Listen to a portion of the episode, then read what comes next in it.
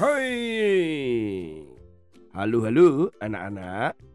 Pernahkah kalian menonton sebuah pertandingan olahraga? Contoh ya, pertandingan bulu tangkis, pertandingan basket, pertandingan sepak bola. Nah, kalau kalian melihat pertandingan olahraga di lapangan, bukan di televisi dong.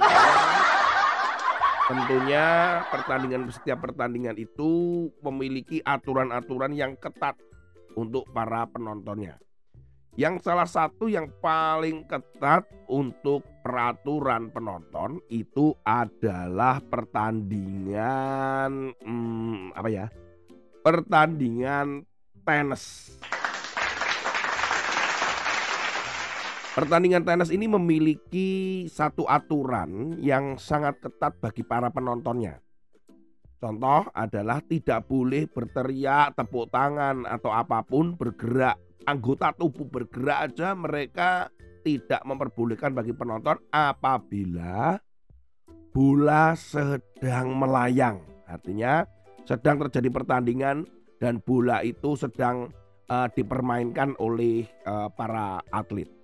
Jadi waktu pertandingan berlangsung, diem aja sudah, jangan teriak-teriak, nggak boleh. Kalau demikian bisa dikeluarkan. Beda dengan kalau kalian nonton di TV mau makan mau lompat lompat-lompat eh, silakan. Tetapi kalau makan masih boleh sih untuk makan minum masih boleh. Tetapi yang jelas tidak boleh teriak, tidak boleh bergerak, nggak boleh tepuk tangan. Nah beberapa waktu yang lalu ada sebuah kejadian yang lucu. Ya saya ngomong lucu malah ketawa duluan. Ya itu yaitu pertandingan perempat final Amerika terbuka saat Nick Kyrgios Australia melawan Karen Kachanov Rusia di Stadion Arthur Ashe New York Amerika Serikat. Sangat pertandingan berlangsung. Eh tiba-tiba kamera dan panitia melihat seseorang melakukan aktivitas apa itu aktivitasnya? Mencukur rambut.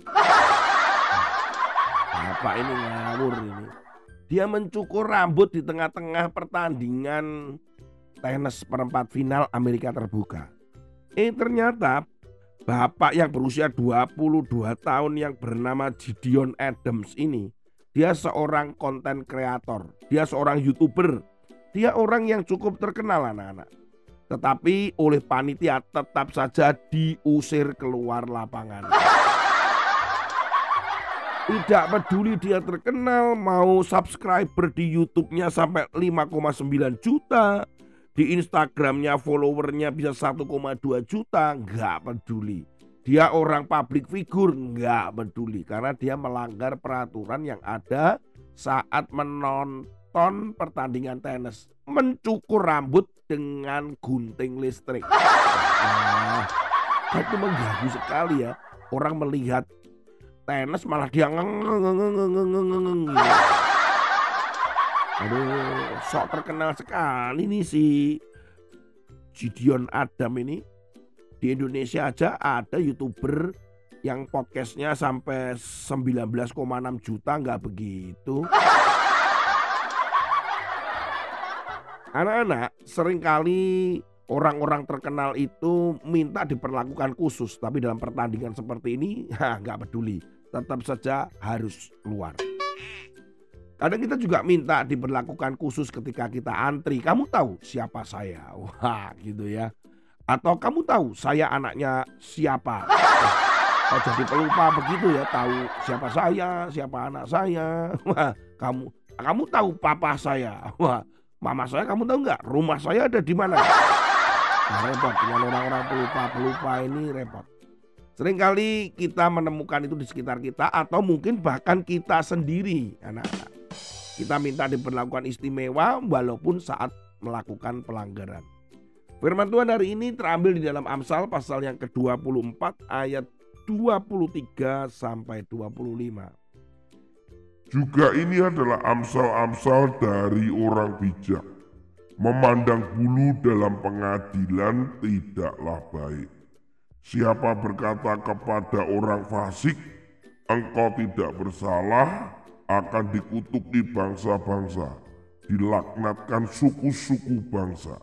Tetapi mereka yang memberi peringatan akan berbahagia. Mereka akan mendapatkan ganjaran berkat. Bahwa dalam ayat ini juga dikatakan bahwa kalau kita itu melihat siapa yang diadilin, tidak melihat pelanggarannya tapi melihat siapa orangnya. Nah, ini yang bisa menjadi masalah. Makanya pengadilan atau hakim harus benar-benar melihat dari sisi pelanggaran perbuatannya, bukan siapa orangnya. Jadi kalau kalian menemukan seperti itu atau mungkin kalian sendiri minta diperlakukan istimewa, nggak bisa anak-anak. Ini tetap menjadi peringatan bagi kita semua bahwa kita tidak boleh mengandalkan kekayaan kita atau mungkin siapa orang tua kita untuk mendapatkan perlakuan istimewa.